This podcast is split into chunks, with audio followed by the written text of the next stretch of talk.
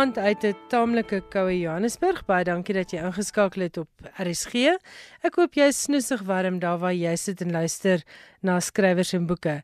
Ek is Elsje Salzwetel en vir die volgende byna 'n uur gaan ons kyk na verskillende boeke Afrikaans en Engels. Ek en Phyllis Green gaan die aand afskop met 'n gesprek oor 'n paar boeke wat sy onlangs gelees en baie geniet het. Ons gaan ook luister na 'n baie geredigeerde uittreksel uit die skrywersfeesgesprek tussen Rihanna Skeepers en Dave Peppler na aanleiding van Rihanna se jongste roman Stormkind. In sy insetsel later vanaand gesels Johan Meiburg onder meer oor die werk van Tom Wolfe, die baie bekende Amerikaanse skrywer wat onlangs oorlede is. Dit alles vanaand in skrywers en boeke. Ek hoop jy geniet vanaand se program. Ouer gewoontes kop ons af met so klein bietjie gelukwensinge. Jaco Jakob, seker een van die bedrywigste en gewildste Afrikaanse kinderboekskrywers, het verlede week die goeie nuus gekry dat die Italiaanse uitgewery Rizzoli die vertaalregte vir die Italiaanse uitgawe van 'n goeie dag vir boomklim gekoop het. Rizzoli is een van die grootste uitgewers in Italië en gee onder meer die Italiaanse weergawe uit van The Fault in Our Stars deur John Green en Cressida Cowell se How to Train Your Dragon, die hele reeks daarvan. 'n Goeie dag vir boomklim is die verhaal van Marnus, 'n gefrustreerde middelkind wat om 1 Desember vakansie laat ompraat om saam met 'n meisie in 'n boom te klim om te probeer keer dat die plaaslike owerheid dit afsaag. Die Londense uitgewers One World Publications het 'n goeie dag vir boomklim verlede maand wêreldwyd in Engels gepubliseer. Die boek is tans ook in Engels in Suid-Afrika te koop as A Good Day for Climbing Trees. In Oktober verskyn nog een van Jaco se boeke met die titel oor 'n motorfiets, 'n zombiefliek en lang getalle wat deur 11 gedeel kan word oor see as A Good Night for Shooting Zombies. 'n Goeie dag vir boomklim was in 2016 die wenner van die Kyknet rapportprys se filmkategorie en filmregte vir hierdie boek is sedertdien aan Mnet toegeken. Jaco Jacobs, baie geluk daarmee. Ons is so trots op jou dat jy al hierdie dinge in Afrikaans vermag en ons kan nie wag om te sien wat volgende uit jou pen verskyn nie. Skrywers en boeke Alles wat jy oor die boekewêreld wil weet en meer. Phyllis Green, jy is terug by ons hier in die skrywers en boeke ateljee vir luisteraars wat dalk nie weet nie. Phyllis is Sari se boeke redakteur en 'n baie ywerige leser. Waaroor gesels ons vanaand? Ons gaan vanaand oor drie boeke gesels. Die 5de aspoester van Jan Vermeulen, Die Daal van Daan van der Walt deur Lodewyk G Du Plessis alhoewel dit 'n skuilnaam is. En niemand weet wie dit is nie. Almal bespiegel maar niemand weet nie. Ja. En dan Stormkind van Rihanna Skeepers. Goed. Ek wil wegspring met die 5de aspoester. Elsje, jy sal weet ek is verslaaf aan krimmies. Dis seker een van my gunsteling genres om in te lees en ek wil altyd 'n slim krimmie lees. Een wat my van die eerste bladsy tot die laaste bladsy aan die raai hou oor sekere aspekte van die verhaal en wat ook interessante sosiale kwessies aanraak en dit is wat Jan Vermeulen in die 5de aspoester doen. Dis 'n besige boek want daar's meer as een gebeurtenis wat afspeel. Die eerste is die moorde van die aspoesters en die tweede is Olaf de Meyer wat die polisie help. Hy stel sielkundige profile op vir die polisie om die eh, die reeksmoordenaar op te spoor. Sy vrou sterf in 'n fratsongeluk in sy huis en sy dogter Fransie word geïmpliseer. So daar's daar's hierdie twee scenario's wat die heeltyd in die boek voorkom. En dit gebeur die die ongeluk gebeur terwyl hy besig is om hierdie ander moorde te ondersoek. Dis reg. So dieselfde span wat die moorde ondersoek, ondersoek ook sy vrou se ongeluk. Wat Jan doen wat nogal 'n skop in die maag is wanneer jy die boek lees, is die verskriklike donker temas vir haar is. Gesinsgeweld, pedofilie, uh, seksverslawing. Maar hy weef dit in die storie in. Dit raak op die ou einde die motiewe vir waaroor die moorde gepleeg word. So dit is regtig 'n slim boek, slim geskryf, tog is dit 'n lekker storie. Jy wil weet wie is hierdie mens wat hierdie jong meisies vermoor? En die ander interessante ding is Olaf de Meyer het baie vinnig besef, maar al hierdie mense het 'n verbintenis met hom. Hmm. Dis of sy pasiënte gewees of dis iemand wat hy ken of dis iemand wat 'n verbintenis met sy kind het. So dit was vir my regtig 'n interessante nuwe soort krimie gewees in Afrikaans. Ja, en ek dink omdat dit ook uit die perspektief van 'n profileerder geskryf is, so half die sielkundige wat vir almal raad het behalwe vir sy eie lewe. Ja, was ook vir my baie opvallend. dit was baie interessant dat nie een van daai karakters vir haar is nie en ek dink dit is wat die boek vir my ook geloofwaardig maak is dat elkeen van hulle het hulle eie probleme. Hulle kom elkeen met 'n hele tas vol bagasie.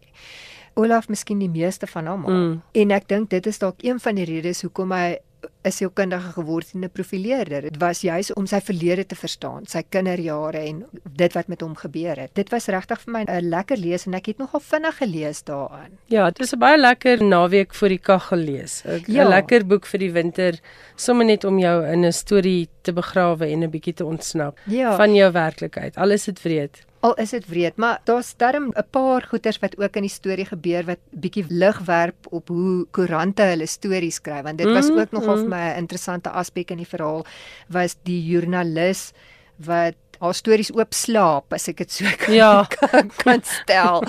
Uh, so dit en was daar is sulke joernaliste wat weet almal. ons weet van hulle. So dit was nogal vir my interessant. Dit was vir my so 'n uh, deel van die tyd waarin ons leef. Die morele verval half, Mm. mm. die goed wat gebeur. En die ander ding wat vir my nogal opgeval het is jy kan uiteindelik bitter min mense vertrou. Ja, jy voel jy wil die heeltyd so half oor jou skouer loer want wie is dit nou wat hier agter jou staan? Ja. Dis een van daai boeke wat jy half onder die bed laat kyk voordat jy inklim in die aand. Dis dan Phyllis Green se opinie oor die 5de aspoester deur Jan Vermeulen. Ons het met Jan ook op die program gesels oor hierdie eerste volwasse speurroman van hom. Hy is eintlik 'n baie bekende kinder- en jeugboekskrywer. Gaan lees gerus die boek en as jy belangstel om te hoor hoe Jan by die storie uitgekom het, gaan luister na die potgooi op ons webwerf. Jou volgende boek. Die Dao van Daan van der Walt. Ja, en dit is soos jy nou nog sê het, almal wonder wie is hierdie want dit is iemand wat kan skryf. Ja, en dis iemand iemand- wat al geleef het. Ja, en dis uh, myns insiens dink ek dis 'n baie bekende skrywer. Dis iemand wat beslis letterkunde verstaan. Ja. Ek wonder net oor die skuilnaam. Wat dink jy is die motivering? Kyk, ek dink dit is omdat party lesers gaan jou moontlik aanstoot neem Dit is vir die vrae wat Daan van der. Walt vra. En ek kan dit verstaan. Ek dink dit is heel moontlik nie 'n boek vir mense wat 'n eng uitkyk in die lewe het of hipergodsdienstige uitkyk in die lewe het nie. Hulle moet eerder verbyhou. Vir my is die boek gemik op iemand wat 'n oop kop het. Iemand Goed. wat wat vra vra oor die lewe. Die boek het my regtig weggeblaas. Dis een van daai boeke wat daar's soveel wat jy daar uit kan haal. Dis amper geskryf in 'n biografie vorm. En dis mos gerig aan sy hond Kaspaas. Hy doen dit op twee maniere. Die een is hy het gesprekke met sy hond Kaspaas en die ander is hy skryf briewe aan sy oorlede vrou. Dis vir my nogal 'n bietjie 'n ander manier om 'n storie te vertel. Ek gaan 'n stukkie lees vir jou wat in die boek staan. Op bladsy 233 sê Daan van der Walt: Ons geskiedenisse is die naaldstring wat ons bind aan wat agter ons lê. Dit is waar van alle mense. Die verlede is nooit dood nie. Dit leef voort in ons almal, die goeie en die slegte, die waar en die onwaar. Sonder die verlede is ons soos rolbosse in 'n woestynwind. Dit voel vir my so dit is die essens van die verhaal, want dit is wat hy doen. Hy gaan terug, hy stap terug op sy spore in sy eie verlede en hy vra vra oor homself, oor sy lewe, oor goed wat gebeur het. Goed waaroor hy sekerheid gehad het, het hy ewe skielik nie meer 'n sekerheid oor nie. Soos byvoorbeeld sy seksualiteit en sy godsdiens. So eh, jy kry die heeltyd die gevoel van hier is iemand wat teruggaan en wat baie foute gemaak het met byvoorbeeld sy verhouding met sy seun. Juis omdat hy hierdie sekerhede in hom het van my seun moet 'n dominee word want kyk die Here het vir hom gespaar. So hy moet 'n dominee word. En dan as die kind besluit maar hy wil nie 'n dominee word nie, dan is daar 'n kwaad. Hmm. En dan staan 'n breuk tussen hom en sy seun en dis eers heel wat later wat hy en die seun mekaar weer vind. Ek het die gevoel gekry dat Daan deur sy woorde op papier te sit, het hy hy het so half gevoel dis 'n manier hoe hy sy sondelas wil afwerp. En ook deur dit op papier te sit, wil hy insig en begrip kry. En dis wat hy probeer doen het met sy boek. Ek dink aan die einde van die boek het ek gevoel die mens is feilbaar. Maar dis juis in hierdie feilbaarheid wat die lesse vir begrip en insig is. Die woord daar, waarop sin speel dit? Dan se seun woon in China. En dan besluit Dan na sy aftrede, hy gaan nou uit want hy het 'n vriendin ook ontmoet by sy aftreeoord waar hy nou woon wat Chinees is. En sy moedig hom dan aan om saam met haar China toe te gaan want sy sê vir hom jy kan nie sulke slegte vriende wees met jou seun nie want op die ou einde al wat jy het is jy het familie. En haar storie kom ook uit in die hele verhaal. Dan gaan hy China toe en dan kry hy verskriklike vertigo daar. Tot so 'n mate dat hy so siek is dat sy seun hom by 'n ehm um, wat noem mense dit 'n klooster Ja, ja, vir ja. monnike. Dan kry daar dan 'n leermeester wat hom dan nou weer van voor af gaan leer oor die lewe deur vir hom tai chi te leer. En ek dink die Dao kom van die Chinese deel van die Die verhaal filosofie, die ja, filosofie. ja. Want dit is 'n baie filosofiese boek en dit is nie 'n boek wat jy sommer net in een dag gaan lees nie, want ek dink wat die boek ook doen is dit laat jou self vra vra. So dit was regtig 'n boek wat vir my 'n groot verrassing was. Dit is dan die Dao van Daan van der Walt, geskryf deur Lodewyk G Du Plessis. wat 'n skuilnaam is. So lees dit en laat weet vir ons wie dink julle is die skrywer daarvan.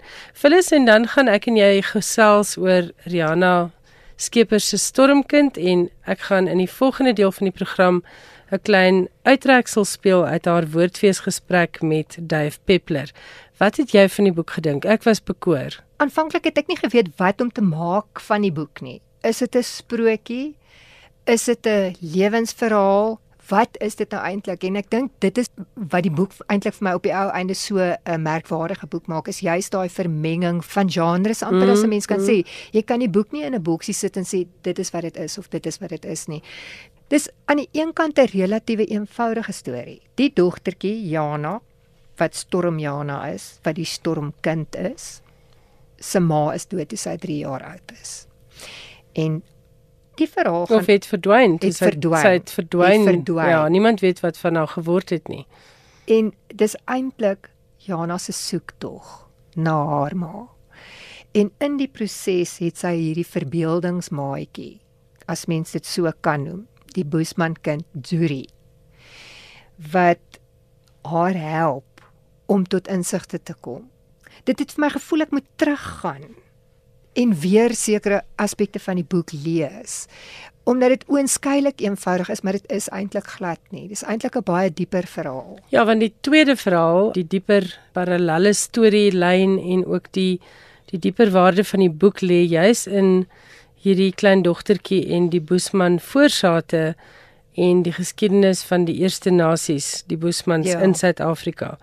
En uh, met haar sprokies en fabels en dinge leer sy dan vir Jana ook 'n klompie goeters Jana se eie ouma en haar verbintenis met die Boesmans en met die grond kom ter sprake en dan op daardie manier vind almal nou uiteindelik rus oor wat met Jana se ma gebeur het. gebeur het. Ja, in 'n stadium het ek so half gevoel as ek die boek kan vergelyk met musiek. Uh, dit het vir my gevoel ek luister na esoteriese musiek. Want dit het my kop so half weggevat, die verhaal. Dis nie 'n gewone storie nie. Nee, daar's definitief Daar's bietjie magic sprookie daarin, elemente. nee. Ja, daar is. Ja. Ja. ja. En in my gesprek met Rihanna wat ongelukkig weens tegniese probleme verlore geraak het, anderster het ek sommer self met haar hier op die program gesels, het sy gesê dit was vir haar belangrik om ook ons eie volksverhale, Suider-Afrika se volksverhale te omskep in iets magies realisties soos wat die Suid-Amerikaanse letterkunde dit graag Ja. doen. En ek dink dat hierdie boek volgende jaar op benoemingslys of iets gaan verskyn want dit is regtig waar 'n 'n roman wat so half verskyn het sonder dat daar 'n verskriklike groot ophef oor hom gemaak het, maar dit is een van daardie boeke wat ek dink baie lank in die Suid-Afrikaanse letterkunde onthou gaan word. Ja, beslis. Dit sal my glad nie verbaas as dit op 'n benoemingslys is nie, want dit is 'n uitsonderlike verhaal. Wat my ook getref het van die verhaal en dit is nadat ek 'n gesprek bygewoon het met Rihanna ook die deel wat sy vertel het oor die Boesmans, die Boesman se geskiedenis, hoe die Boesmans gejag is. Tot in die begin van die 20ste eeu, die 1900s. Skrikwekkend ja. as 'n mens so kan dink. So dis regtig 'n boek wat 'n mens gaan onthou. So lees dit Stormkind van Rihanna Skeepers. Ek weet dit is ook haar eerste volwasse roman en ek dink dit is maar haar tweede roman want sy is by uitstek 'n kortverhaalskrywer en ook iemand wat mense leer skryf. Ja. Maar die wag was absoluut die moeite werd. Sy het amper 10 jaar aan hierdie boek gewerk en ek dink is 'n pragtige pragtige boek.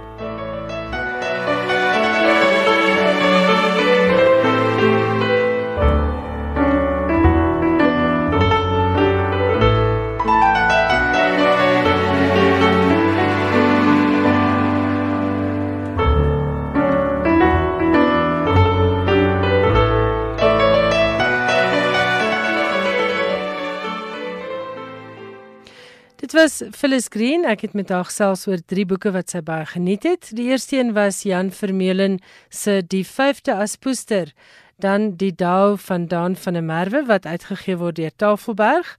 Dit word uitgegee onder 'n skrywersnaam, maar soos ons nou verduidelik het, ons is glad nie seker wie die ware skrywer is nie. En die laaste boek is Stormkind van Rihanna Skeepers.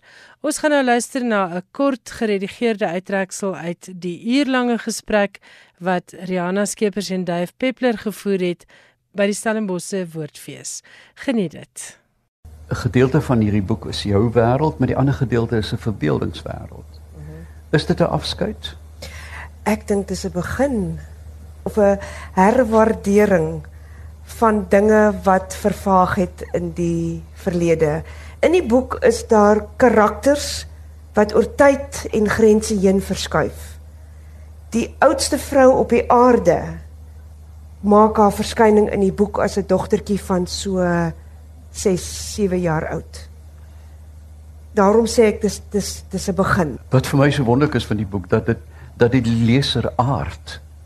Ek hoop ek hoop regtig so ek hoop regtig nee, nee, so. Die boek is deurspek met hierdie skakels na die aarde. Ja. En en en dit is vir my die die die die lekkerte daarvan en ek gaan net oor by ander goed uitkom. Jy verstaan eintlik die kind baie goed in in in die liefde vir takhuise. Jy weet as 'n kind regtig jou irriteer, kap 'n paar bloekomtakke, stapel dit in 'n tent en druk die kinde aan. Hy hulle is vir 'n dag weg. Mm. Mm. Nee? Mm. Hulle nou en dan sien jy net 'n oogie deur die blare. Mm. En en en die hele tyd is hier die grot onder die boom wat omgeval het, die beweging in die takke, die boom teen die kliphuis. Mm Weereens raak aan die aarde die hele tyd. Mm ehm um, het jy dit bewuslik gedoen of het dit het dit eenvoudig net gebeur? Dit het net gebeur. Dis nou hoe ek as skrywer werk. Ander skrywers werk anders. As ek die ruimte van my karakters en van uh, as ek die ruimte goed ken en intiem beleef het, dan het ek 'n verhaal dan ontstaan die karakters kan kan jy fantaseer en die karakters ontwikkel van self. So ek kan eerlikwaar sê dat elke ruimte wat in hierdie boek beskryf word en dit is die Boland en dis ek het gebly op 'n Bolandse plaas daar onder die Havakwa berge en die Tankwa Karoo in Ierland, 'n klein stukkie Ierland. Ek ken daardie ruimtes soos wat ek my eie huis ken. En as ek vertroud voel in my ruimte en ek weet hoe die aarde voel en die hoe die takke lyk en hoe die klippe voel en en hoe die water proe, dan kan ek skryf. Jy kon die boek nie sonder bronne skryf nie. En ek sien jou aanhaling dat jy die die skatnis uh ja. swaar, het jy die bleek uh Ek het die bleek versameling baie deeglik bestudeer.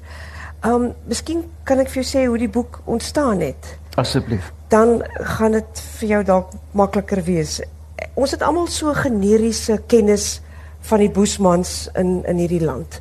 Ons kyk na rotskuns en ons ons het so vaag kennis. Ehm um, maar terwyl ek in die Boland gebly het, het ek eendag hang ek hou van bome. Het ek onder 'n olienoutboom gaan staan na by die skooltjie daar in die Boevlei. En is hierdie pragtige verknotte boom wat so ongeveer 4-500 jaar oud is en ek was gaande oor die boom en terwyl ek nog so kyk na die boom toe sê die persoon wat saam met my was maar besef ek dat dit die boom is waar al die boere jagters bymekaar gekom het om die boesmans te gaan jag. Jy kom my met 'n veertjie ontslaan. Toe sê ek nou maar, goed, um, in prinsipie weet ek dat die boesmans gejag is hier in die 1700s en die 18de eeu, kom ons sê 19de eeu, maar ek het geen benul of kennis gehad van presies hoe dit gebeur het en wat gebeur het nie. En toe vind ek uit en jy kan my dalk korrigeer, Duif, of iemand anders kan my korrigeer. Maar die die laaste permit om boesmans te gaan jag is in 1924 uitgegee in daai gebied waar ek gebly het. Dit was 10 shillings. Ek weet nie eers wat dit gekos het nie. Die koste vir 'n boesman permit was 10 shillings om 'n boesman te skiet. We, weet jy Dave, ek kon nie vir jou sê hoe woedend die die die konflik van emosies wat ek was ontsettend hartseer, ek was verbaas, ek was woedend, ek was desperaat, ek was gewalg tot in my siel in. Want in 1924 het my oupa en ouma al geleef kon ons onsself beskou het as beskaafde mense. Ek weet nie wat die wat die woord beskaafd beteken nie, maar ons het hulle hulle het hulle gedink hulle is beskaafd. En toe is Boesmans nog jy die permit gekry, toestemming gekry om hulle te jag. En hoe meer ek begin bleek lees het, want ek het ook eintjie krog gelees, die die sterre sê tel wat 'n pragtige digbundel is, hoe meer het ek betrokke geraak by die die sprokiewêreld van die Boesmans En kan ek miskien net hier dadelik 'n nota sê? Ek praat van Boesman nie om enigsins polities korrek te wees of polities verkeerd te wees nie, maar omdat ek met 'n hele paar Boesmans gesels het. My suster gee skool by 'n Boesman skooltjie en ek het vir hulle gevra, "Wat wil jy wees?" Koei of San en ek weet daar's 'n vreeslike debat en hulle het vir my gesê ek wil 'n Boesman ja. wees. Ja. En dit is hoekom ek van van Boesmans praat. En ek het besluit dit is 'n baie gevaarlike ding vir 'n skrywer veral in ons politieke situasie waarin ons is om oor ander mense te skryf en ek probeer eerlikwaar nie oor die Boesman skryf nie. So ek het 'n fantasie karaktertjie gaan skep. En ek het wel, ek wil nie die storie vertel nie, maar dit was my my hommage aan die oudste inwoners van hierdie land. Dit was iets wat ek hoop wat iets van die droom terugkom, iets van die misterie wat ons mee doonloos vernietig het. En ek wil nie die Boesman se verhaal vertel nie. Ek wil net die Boesman weer terugbring dat ons weer begin gesels oor dit wat ons gedoen het. Dankie daarvoor want ons kan die verhaal nie terugbring nie. Ek is ek is so dankbaar dat jy nie dit betree het nie. Uh mhm. -huh. en, en en dat jy getrou gebly het aan jou karakter soos jy dit sien ja. in hierdie op in in en ek wil dit byna absurde afleidings gemaak het oor die bestaan jy weet die die siel van die boesman nie want ons kan dit nie ons kan dit nie herskep nie. Ja. Ons weet een van ons weet van die kolletjies ja dit was migraine en dit het heel moontlik aangebring deur beta golwe in die brein en al sulke interessante goed maar van die siel weet ons niks. Ja en jy moet ook nie probeer sê probeer sê nie. As jy die boek lees sal jy sien dat ek ek is gefassineer deur die siege van 'n kind. En die boek word nou uitgegee as nie as 'n kinderverhaal nie, maar my hoofkarakter is dit is twee dogtertjies, 'n wit dogtertjie en 'n boesman dogtertjie met die baie mooi naam van Kuri. Ek het groot geword met die Zulu klapklanke, maar ons het altyd gehoor geleer as kind as jy wil boesman praat sê jy kyk kyk Kuri kom. Mm, mm, mm, mm. Ehm um, so die dogtertjie se naam is Kuri en dis twee kinders wat miskien dalk nie eers regtig bestaan nie. Ek ek kan nie 'n sielkundige uitspraak maak oor geheime maatjies vir 'n kind nie, maar ek het as kind het ek 'n geheime maatjie gehad. En my oupa het vir my gebid en my ouma wat my was baie desperaat geweest en al wat ek wou eintlik vir hulle wou sê is los net my maatjie uit. Want ek was 'n bietjie van 'n alleen kind geweest en dit was sakrosant geweest hierdie verhouding met my maatjie wat ek gehad het en mettertyd het sy van self verdwyn. Hmm. En hierdie klein wit dogtertjie wat op hierdie plaas groot word en sit met 'n baie groot droefnis en hartseer of 'n ding wat sy nie in haar lewe kan kan verwerk nie, kry hierdie begeleiertjie in die vorm van 'n boesman dogtertjie wat haar deur haar lewensreis neem. En en met die alles wou ek gesê het dat ons het so baie te leer uit 'n intelligensie en uit 'n beskawing waarvan ons nog net die nuances kan raakloop. In die parfuumwêreld is daar nou 'n hele nuwe wending van landskapherskepping in terme van reuk en en, en wonderbaarlike nuwe metodes wat mense het uiteraard om 'n klip na te boots in reuk. So. En molekules wat na water ruik. Ja. Al, eh, water het wel 'n reuk. Ja. Was bewustelik hierdie laat in die boek hierdie nuwe verkenning van die landskap? Hierdie klein Boesman dogtertjie wat die klein dogtertjie Stormkind, die Stormkind, haar naam is Jana. En niemand noem haar Jana nie, hulle noem haar Stormkind omdat sy 'n wille ding is. Sy begelei haar en sy vat van hierdie weerspannige klein dogtertjie met die rooi hare, maak sy 'n natuurkind. En sy doen dit geleidelik deur eers vir haar te leer hoe om te eet uit die aarde. Hulle eet rysmure en hulle eet boomgom en hulle mm -mm. sy sy eet eers en sy wys vir haar hoe Alwyn. in alwyne en goede. En en dan wys sy vir haar hoe om spoor te sny, om te kyk. Nie net na die landskap so te kyk nie, maar om met aandag stip te kyk. En dan sien sy nadat die Boesman dogtertjie vir haar gewys het, geleer het hoe om haar sintuig van sig te sien. En daarna kom die reuk. Hmm. En uiteindelik het sy as sy haar begelei in al die sintuie, leer sy ook vir haar die sesde sintuig. Maar die sesde sintuig met die begeleiding van die Kuri die Boesman dogtertjie kom eers met 'n inisiasie ritueel. Ja. Ek weet nie of julle dit weet nie, maar die Boesmans kap die pinkie af van die linkerhand as hulle klein is. Ek weet nie of jy weet hoekom hulle dit doen nie. Nee. Hulle skenk alreeds iets Aan die dood, aan die dood. nee, Ja, jy aan dit die is tog ja, boek. aan Jy die skenk iets aan die dood. Ja. So dit is as jy die dag oor die groot rivier gaan waar die dood is, dan is dit nie so skrikwekkend nie.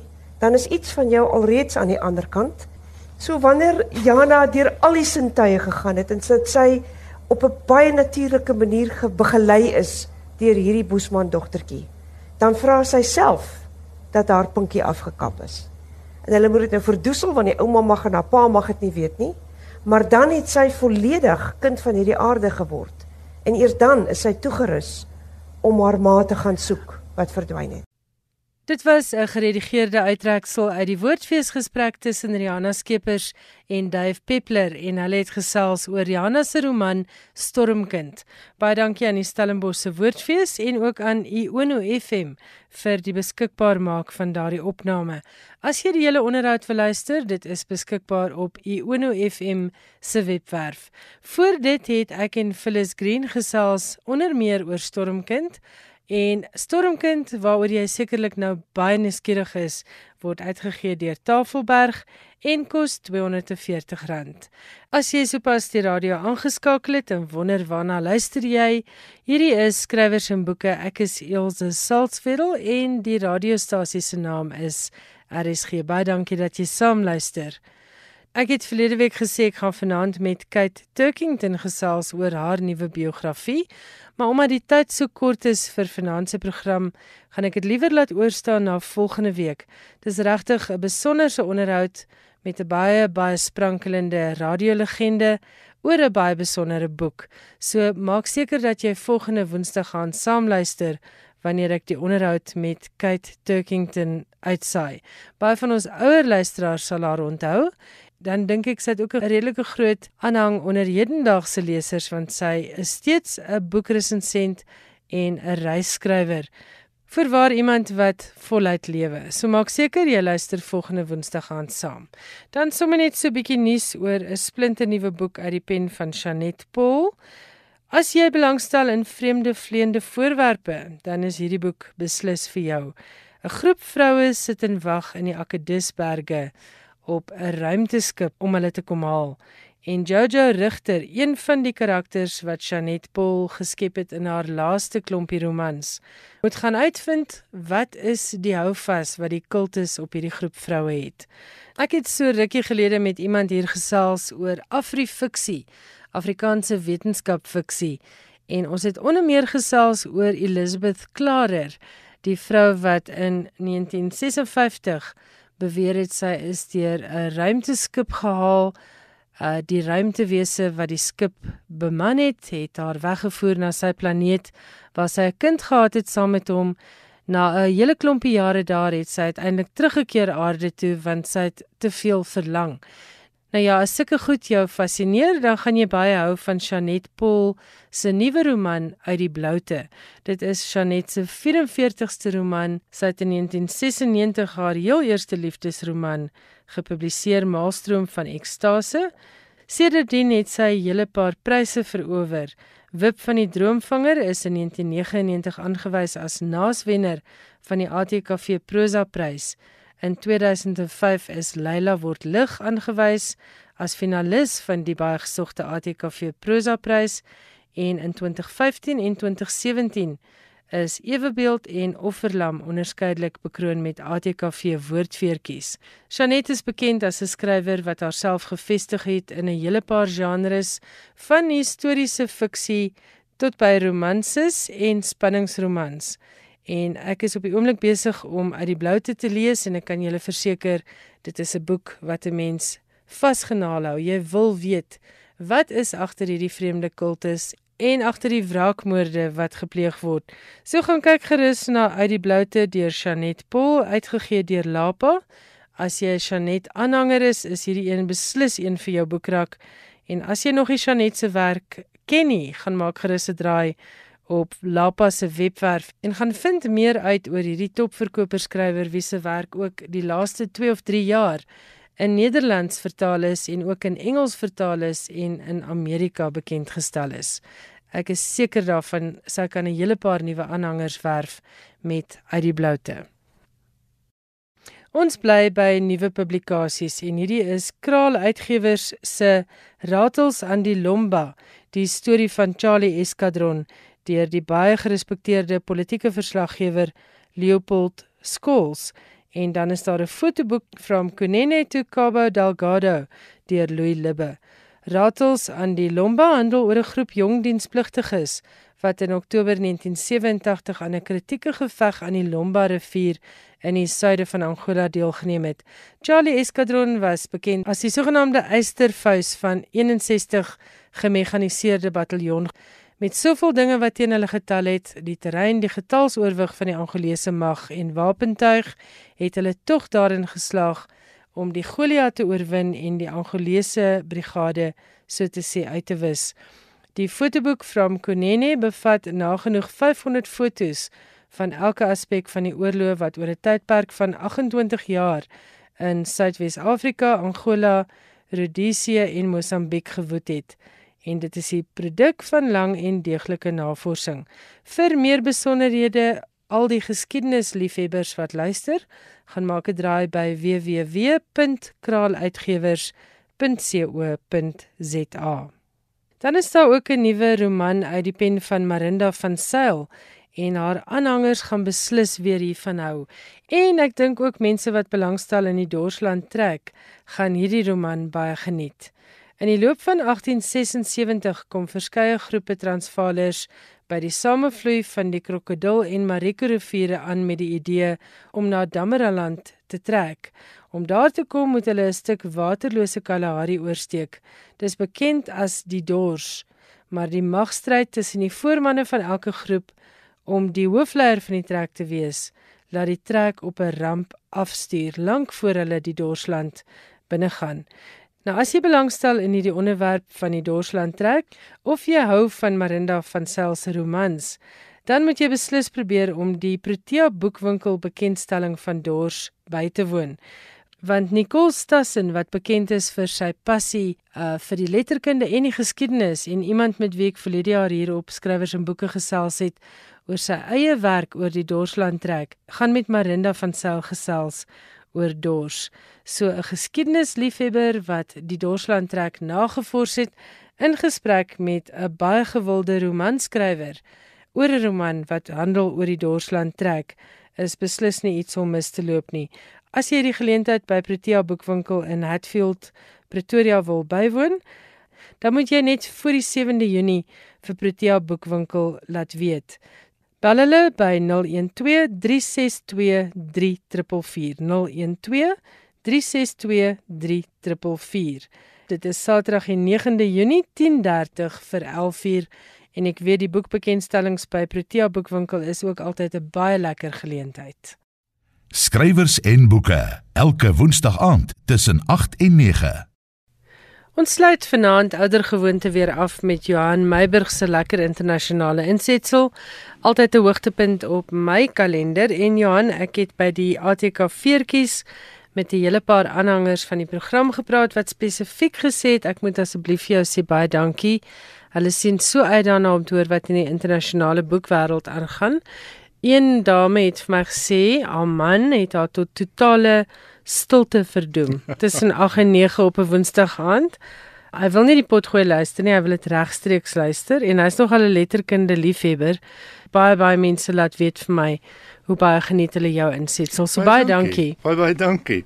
Tom Wolf, die Amerikaanse joernalis en skrywer wat onder meer die uitdrukkings statosphere, the right stuff en radical chic tot die Engelse woordeskat bygedra het is verlede week dood in Manhattan, die plek waar hy sedert 1962 gewoon het. Hy was 88. Op 57 het hy sy eerste roman gepubliseer, 'n satiriese portret van die hebsug en geldgedrewenheid in die New York van die 1980s, Bonfire of the Vanities. Toe die boek verskyn het, het medeskrywer Pat Conroy so gereageer. En nou kom Tom Wolfe, die ouer wordende enfant terrible met sy eerste roman. 659 bladsye van rou energie oor New York en talle van die stad se inwoners. 'n Bitter, snaakse, krane geskryfde boek wat jou aan die lapelle gryp en nie wil laat los nie. Waarna Conroy verwys het, kan ook verduidelik word as Wolf se flair. 'n literêre flair waarmee hy homself sonder skroom as karakter kon plaas in sy nie-fiksie. Dit was nie fiksie naas journalistiek waarmee hy vir homself 'n plek in die New Yorkse firmament beding het. Boeke soos die bundel essays van 1965, The Candy-Colored Tangerine Flake Streamlined Baby. 1968 se The Electric Kool-Aid Acid Test 'n eerstehandse weergawe van die skrywer Ken Kesey se eksperimentering met psigedeliese dwelms en 1979 se The Right Stuff oor Amerikaanse vlieëniers wat die land se eerste ruimtevaarders geword het. Wat onmiddellik opgeval het was Wolf se manier om verslag te doen en die bydrae wat hy gelewer het tot new journalism. In watter genre hy ook al geskryf het, dit was popkultuur, politiek en die goeie Amerikaanse lewe wat hom geboei het. Veral die manier waarop geld en welvaart die land gevorm het na die Tweede Wêreldoorlog. Die man wat in die openbaar net in wit of naaswit drie stuk pakke verskyn het, het geglo die uitrustings onseën nie die mense wat hy dophou, 'n maak van hom in hulle oë iets van 'n marsman wat hom soos 'n handskoen gepas het. Om mense dop te hou was sy groot sukses. Hy het na die vermoë verwys as saturation reporting. Om dit te vervolmaak het hy in 1970 geskryf: "Moet jy vir lang rukke onopvallend deel wees van die lewens van die mense waaroor jy skryf. Lank genoeg om daar te wees wanneer die onthullings plaasvind." Wolf se laaste boeke was Hooking Up van 2000 en The Kingdom of Speech van 2016. Die laaste nie-fiksieboek is 'n kritiek op die werk van Charles Darwin en Noam Chomsky, die Amerikaanse linguis en filosoof. Wolf voer aan dat dit ons vermoë om te praat en nie evolusie nie wat mense van diere onderskei en verantwoordelik is vir alles wat die mens kan verwag. Hier is Tom Wolf in gesprek met Michael Monian oor sy siening van die noodsaak vir 'n autobiografie. I have never been tempted to write a memoir, but I really honestly believe the way what George Orwell said. He said the uh, memoir, the autobiography, is the worst form of fiction ever devised. And he said because people are willing to confess to anything colorful or exciting. Yeah they murdered somebody or they they smoked a lot of dope or mm. you know it could be almost anything uh, except for the humiliations They will never write about the humiliation, which he said make up 75% of life. Uh, and I couldn't agree more with that. I, I could not bring myself to, I'll tell you just one humiliation I cannot get out of my mind. You'll think I'm crazy for even thinking of it now. One night, I used to live on Beekman Place, and it was a snowy night, uh, I mean, really bad snowstorm. And I left my building and went out to um, First Avenue to get a taxi. And there were no taxis. It was such a terrible night. And in the middle of the street was a great big guy who was looking this way and looking that, obviously looking for a taxi. Well, I had a tr- trick up my sleeve. I knew that there was a little restaurant half a, oh, a quarter of a block away that somebody was going to come. It was a popular restaurant. People, somebody was going to come there in a taxi. So sure enough, somebody came up. This taxi stopped, and I headed toward. it. Next thing I know, this big guy is running down there was a slope that street, and he he almost went crashing into me. But it was very aggressive. He didn't crash, but it was a very ag- aggressive uh, uh, move. And he said, "That's my taxi." And I said, "Well, why?" And he said, "Because I was waiting for it. I've been waiting out here for all this time." Well, this is the way the arguments uh, began, um, and what I should have done is probably something that would have been very foolish, which is to somehow physically strike back, but I didn't. That would have been the manly thing to do. Uh, I listened to the argument, and the next thing I know, out of the back seat comes this old couple going to the restaurant. They're so slow, their limbs are moving so slowly that my assailant runs around to the other side of the taxi, jumps into the door, and the driver is tired of this whole argument and, and he drives off. Now, why has that, to this day, that whole scene bothers me tremendously. What year was this? Oh my God. When did I leave Beekman Place?